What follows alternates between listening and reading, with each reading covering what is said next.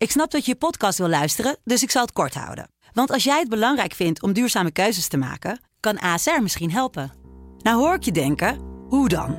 Nou, bijvoorbeeld bij het duurzaam herstellen van schade. Of de premies die we beleggen volgens ons duurzaam beleggingsbeleid. Dat bepaalt waar we wel en juist niet in investeren. Wil je meer weten over welke duurzame keuzes ASR maakt? Ga dan naar asr.nl slash duurzame keuzes. ASR doet het. Zo, dan kan je nu lekker naar je podcast luisteren.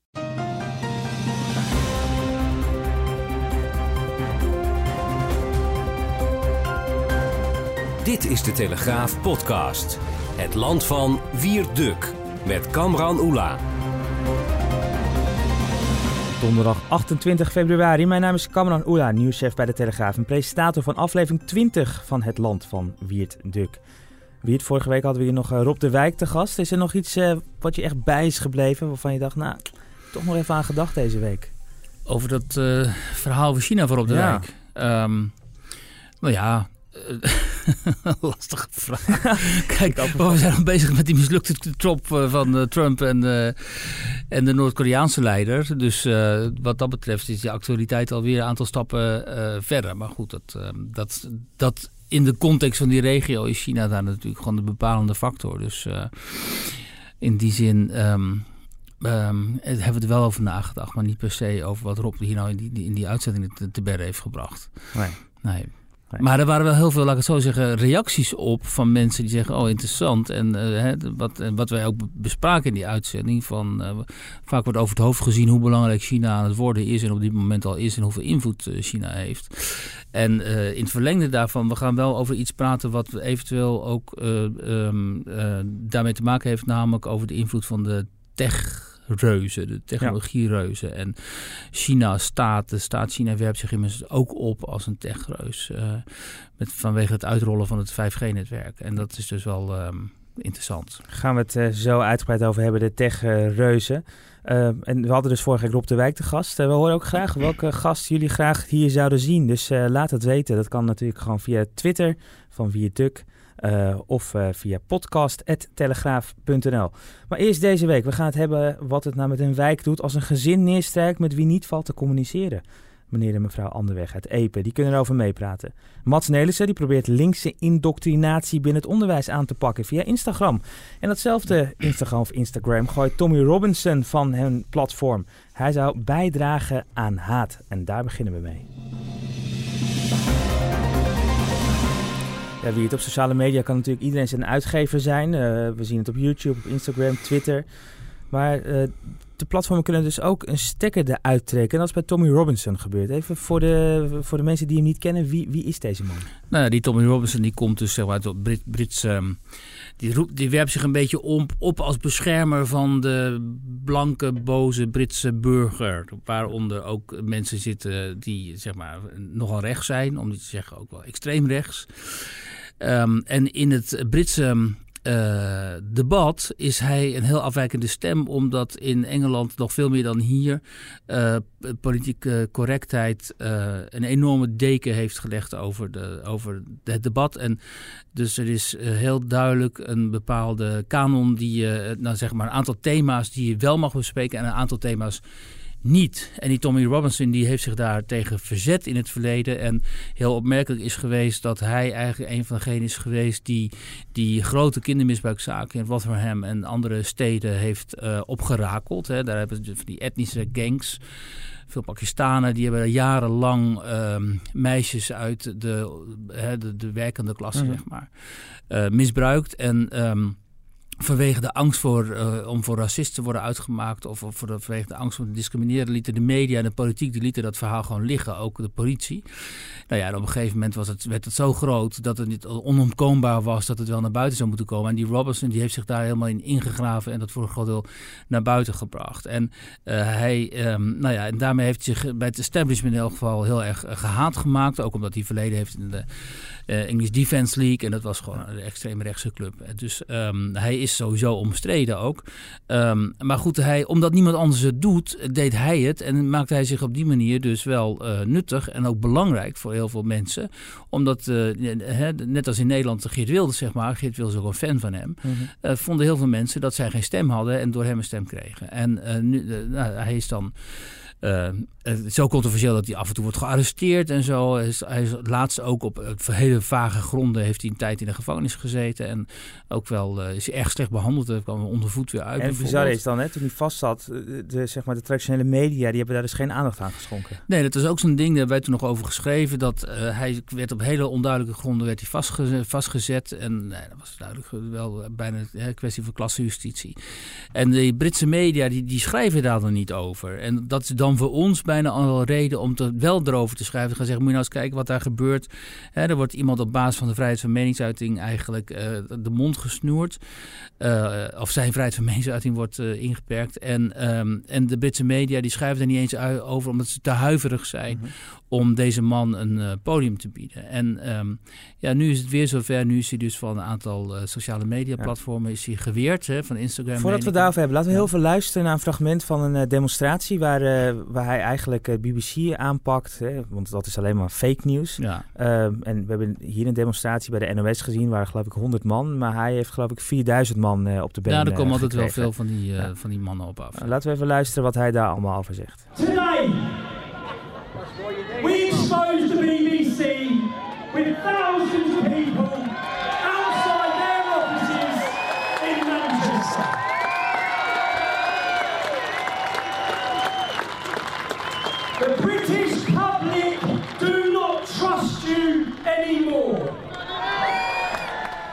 Ja, dus hè, de Britse mensen vertrouwen jullie niet meer, heeft hij het over, over de BBC. Ja. Dit is te zien op zijn uh, YouTube-account. In een uh, nieuwe video waar hij ook een, een van de BBC-verslaggevers... die trouwens ook Geert Wilders nog vorig jaar heeft geïnterviewd... John Sweeney. Ont, ont, John Sweeney ja. ontmaskerd op, op zijn manier. Ja.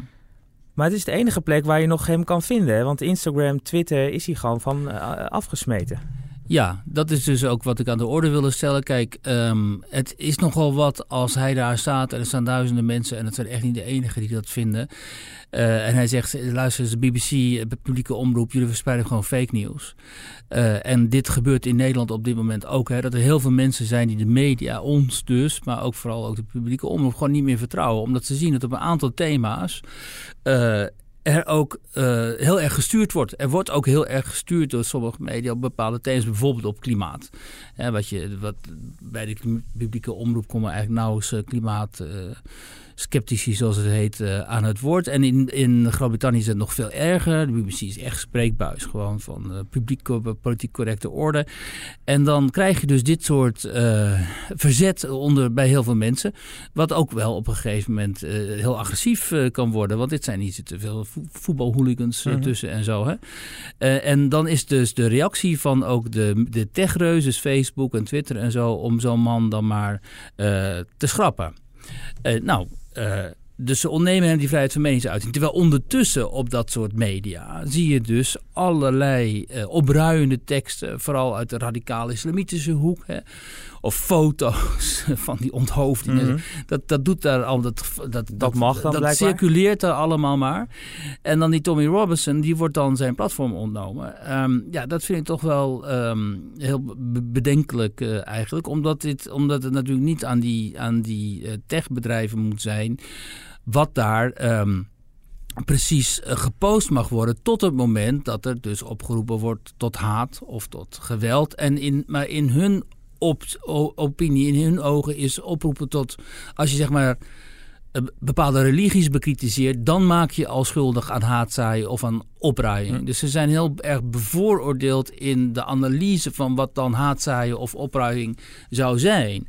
En uh, dan moeten we, daarom wilde ik dit ook aan de orde stellen, mm -hmm. uh, da daar moeten we heel erg waakzaam op zijn, omdat het uh, ook ons voorland is en het staat ook ons te gebeuren. En heel veel mensen die ik spreek, voor mijn werk ook, die zijn al heel erg voorzichtig op social media, omdat ze zich nauwelijks durven te uiten. Dus die zijn al anoniem aanwezig. En, um, Eh, omdat ze denken, vermoeden dat als zij eh, met naam en toenaam en fotootje bijvoorbeeld op Twitter of op Facebook zouden ze zeggen wat zij politiek vinden, ja, dat ze dan problemen krijgen met hun banen of met hun, eh, met hun kennissenkring en zo. Ja, en, en dat het- is ook gewoon zo. Maar het is bedenkelijke klassenjustitie of bedenkelijke censuur zelfs van techreuzen als Facebook, Instagram, Twitter.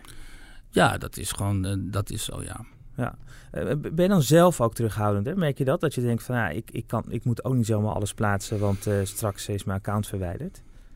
Nee, want er zijn niet echt dingen die ik vind of die ik denk die ik zo aanstootgevend zouden zijn, bijvoorbeeld. Maar ik heb bijvoorbeeld een kennis, een psychiater, die was actief op, op Twitter onder de, eh, ik meende de eh, accountnaam ehm, De Vrije Psychiater. Dat Mhm. was hem. Is gewoon een meneer uit, eh, oudere meneer uit eh, Amsterdam. Hm. En die had op een gegeven moment een eh, tweet geplaatst over het optreden van, die, van de IDF, de Israel Defense Force. En hen opgespoor, opgeroepen om hard toe te slaan bij, ter- tegen Palestijnse terroristen, meen ik. En daarvoor werd hij geband. Dus daarvoor moest hij van Twitter af. En hij is heel koppig, dus hij wilde niet toegeven. Hij wilde die tweets niet verwijderen. Dus die man is maandenlang niet actief kunnen zijn op Twitter. Eh, kon dus niet meer communiceren. Uiteindelijk heeft hij nu een nieuw account eh, geopend. Eh, maar dan zie je dus hoe snel dat, ehm, dat kan gaan. En, als je, en hoe lastig het is als je principieel bent, zoals hij, en je weigert dan zo'n tweet te verwijderen. Ja, dan word je gewoon daar van zo'n platform eraf gegooid. En dat, dat heeft natuurlijk in zijn opinie heeft het ermee te maken dat hij Israël verdedigt militair optreden van Israël verdedigt. Want laten we wel zijn, als jij eh, Israël aanvalt, hè, daar gaan we het later ook nog over hebben, en kritiek hebt op de staat Israël en eh, Palestijnse terroristen verdedigt, dan word je niet zo snel van Twitter Nee, of eh, dus het is een beetje dat eh, ouderwetse goed volk verhaal. Je moet, moet een beetje een bepaalde type mening hebben en dan is het oké. Over een aantal cruciale thema's. Klimaat, immigratie, islam, Israël, is, Israëlisch-Palestijns conflict. Moet je de meningen hebben die politiek correct zijn. Dat, dat cliché moeten we maar weer eens eh, van stal halen. Eh, dan kom je overal mee weg, maar ook echt bijna overal mee weg. Verzet je je daartegen, Ja. heb je een andere mening, dan lig je onder, al heel snel onder vuur en dan word je al heel snel van die platforms verwijderd. Nou, we blijven bij die platforms, maar we gaan het hebben over onderwijs. Ja, deze week schreef je een verhaal van Mats Nelissen... die in actie komt tegen linkse indoctrinatie binnen het onderwijs. En dat doet hij dus ook via Instagram. Ja, dat is ook weer zo'n eh, ding, hè, zo'n oud thema eigenlijk. Dat eh, veel leerlingen, scholieren, studenten ook, die ergeren zich enorm aan de lesstof die zij krijgen aangereikt. En ook aan de, de, zeg maar, de mate van sturing van hun ehm, docenten op scholen. Omdat ze vinden, ja, die, dat docentenkorps, dat is gewoon hartstikke links. En het is ook vaak zo, over GroenLinks stemmers, Hmm. D66, Partij van de Arbeid. En eh, ja, als je, als, je, als je dan zelf uit een rechtsgezin komt of een rechtsmilieu komt... of je hebt wat rechtssere opvattingen, dus variërend van liberaal tot zeg maar Forum voor Democratie of PVV... ja, dan ben je al snel de klos in die klasse, omdat de meerder- meerderheid van de docenten dan eh, heel anders denkt dan jij. Dus ze hebben vaak, eh, hè, worden die gesprekken dan een beetje conflictueus. Ehm, en eh, ze voelen zich ook eh, niet echt ehm, gehoord op die, eh, op die onderwijsinstellingen. Nou, deze jonge Mats Nelissen die ergerde zich daar zo aan dat hij besloot om maar eens een Instagram-account te, te openen met voorbeelden dan van wat dan linkse indoctrinatie in het onderwijs zou zijn. En het is eigenlijk wel ontzettend grappig ook, want ja, je komt natuurlijk van alles tegen. Ja, het regent voorbeelden. Hè? Het regent gewoon voorbeelden. hè. Het varieert dan van een school ergens in Den Bosch, meen ik, die dan tegen de kinderen zegt: joh, als jullie op eh, 10 maart naar die klimaatdemonstratie willen op zaterdag, notabene of zondag, Ja. een, een vrijdag in elk geval, dan gaan wij jullie treintickets wel betalen. Hè. dus, eh, nou, dus nou lekker dan. Ja. Gewoon de gratis op kosten van school naar de stad. En de andere teksten, eh, Duitse teksten bijvoorbeeld, die dan vertaald moeten worden, die, dat is dan een soort, eh, een soort ode aan eh, klimaatactivisten en zo. En ja, het is echt dat je af en toe ook eh, wel, wel schrikt. Weet je? Dat je denkt van, nou, dit is wel heel erg eh, openlijk. Maar ook maatschappelijke organisaties zag ik in een van de voorbeelden die genoemd wordt. Wordt vrijwilliger bij Greenpeace. ja, hè? wordt vrijwilliger dan- bij Greenpeace. Ja. En Donald Trump is natuurlijk altijd een enorme kwaaie, nare man. En, eh, en nou ja, en, hè. dus ehm, het is heel heel duidelijk vanuit welke politieke hoek hier de Ja. wind waait. En ik kan me ook even voorstellen dat kinderen zeggen: ja, wat, wat, wa- waarom wordt ons dit voorgeschoteld en eh, wat moeten we hiermee? En opvallend aan zo'n Mats Nelis is ook dat hij zegt: ja, ik, het is niet zo dat eh, leraren of mijn medeleerlingen niet eh, die, dat soort opvatting zouden mode- mogen hebben. Maar ik wil dat ze ook respecteren dat ik andere opvattingen heb. En dat ik af en toe gewoon met hen in debat wil kunnen gaan. Zonder dat ik word weggezet als racist of Mhm. xenofoob of hè, potentiële zakkenvuller. Want als je dus zeg maar wat liberaler denkt, dan ben je al snel een zakkenvuller, eh, kennelijk in hun ogen. Nou, en dat wil hij aan de orde stellen. En eh, nou, hij heeft al heel snel heel veel eh, volgers. Dus misschien wordt het wel, wel een succesvol account. Tenzij Instagram weer hem dwars gaat zitten. Ja, dat, daarover klaagde hij. Hij had de indruk deze week dat hij niet alles meer kon posten. En dat Instagram dus ook hem dwars zat. Misschien hè, dat veel mensen hebben hem gerapporteerd. Het zou Ja. kunnen. Dat mensen zeggen, ja, dit account overtreedt de regels. Dus kijk daar eens naar, dat weet ik niet. Hij er staan nu alweer wat nieuwe posts op. Dus ik denk dat dat eh, toch wel meevalt allemaal. Maar het kan inderdaad zijn dat als mensen massaal jou gaan rapporteren...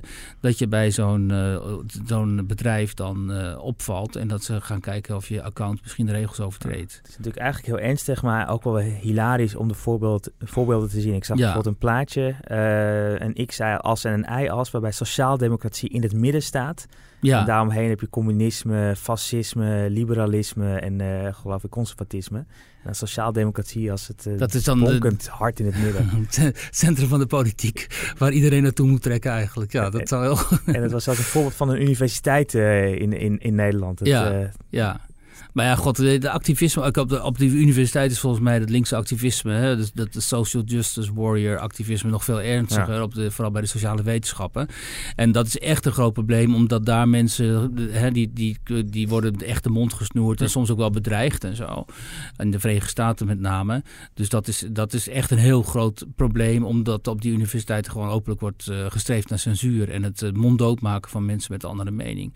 En je ziet ook dat daar bijvoorbeeld op die universiteit, eh, op die campus in de universiteit, mensen met eh, zo'n petje van Trump, die worden dan echt gewoon gemolesteerd en fysiek ook aangevallen en zo. Dus dat, dat is een hele bedenkelijke on- ontwikkeling. Een tweet van Wierduk. Ja, eh, u hoorde Matthijs van Nieuwkerk die deze bumper eh, insprak. Eh, dus een tweet van Wierduk en dat is de volgende deze week.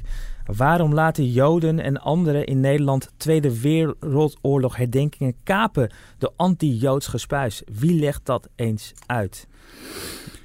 Ja, dat moet op? ik dan maar uitleggen kennelijk als dit de tweet van de week is. Ja, maar dit, je doelde op eh, Ja. je- een bijeenraadslid in Amsterdam, of een, eh, ik geloof een eh Duo-raadslid, ja. JC van JC Veld- Veldhuizen. Ehm, eh, maar wat, bedoelde je ermee? Nou ja, kijk, die, die JC die legde een krans bij de herdenking van de februari-staking. En ehm, kort daarvoor waren er nog beelden opgedoken van hem op de Dam.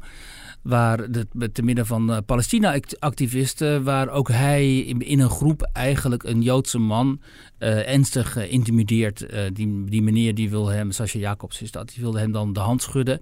Nou, dat, dat weigert hij sowieso, want hij schudt niet de handen van Zi- Zionisten. Hè. Zionisten is tegenwoordig een toverwoord. Als je Zionist gebruikt, dan mag je Joden alles verwijten zonder dat je antisemitisch zou zijn. Ehm, en, in, het, ehm, en, en die man ondertussen, door anderen wordt die man gewoon echt, eh, echt eigenlijk bijna bedreigd. Maar in ieder geval wordt hij ernstig ge- geïntimideerd en belachelijk gemaakt. En dan, als je dan die foto ziet van die Met achter hem Sylvana Simons. En dat ze dan een krans leggen hè, bij een herdenking voor mensen in de Tweede Wereldoorlog die zich hebben verzet tegen jodenvervolging en tegen ehm, eh, discriminatie. Ja.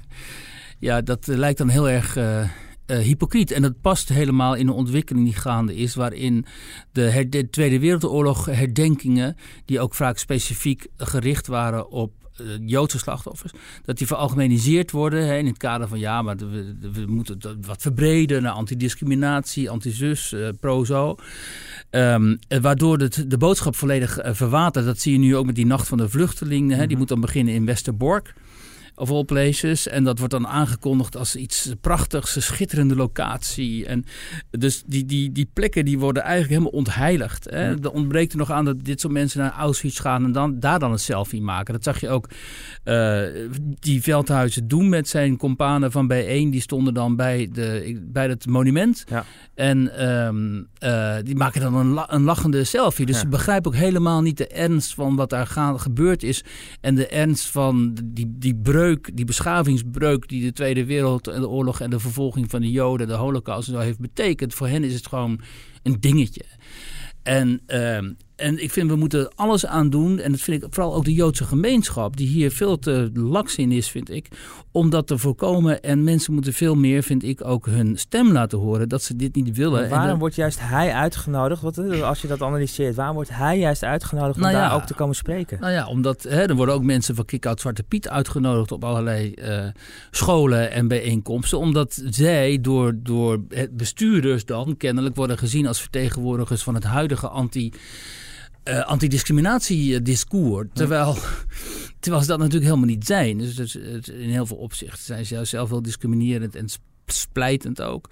Eh, maar dat wordt niet, niet gezien door die, door die mensen die dan die uitnodigingen eh, versturen. Eh, hè, zo, ja, er zijn veel meer van dit soort, eh, dit soort voor, voorbeelden op, op te noemen. En ik vind het is aan, nogmaals, het is dus niet alleen de Joodse gemeenschap, maar ook mensen die de Joodse gemeenschap een warm hart toedragen. Om dit in ieder geval aan de orde te stellen en eens te laten zien, joh, ehm, houd die herdenkingen vooral gericht, of richt ze vooral op de, ehm, op waar, waarom, op de reden waarom er überhaupt herdacht wordt. En op de historische gebeurtenissen ook die wij herdenken. En wat die betekend heeft. En laat je niet afleiden door allerlei. ehm, allerlei eh, Nou, leugenachtige figuren zou ik zeggen. Die, Nou ja, eh, die zeggen voor inclusie te staan en ondertussen gewoon eh, helemaal niet met inclusie Ja. bezig zijn. Ja, ik wil zeggen, door mensen die zich inderdaad die dit soort herdenking willen instrumentaliseren voor hun eigen politieke doeleinden. Daar komt het eigenlijk op neer. Ik kon even het woord niet vinden.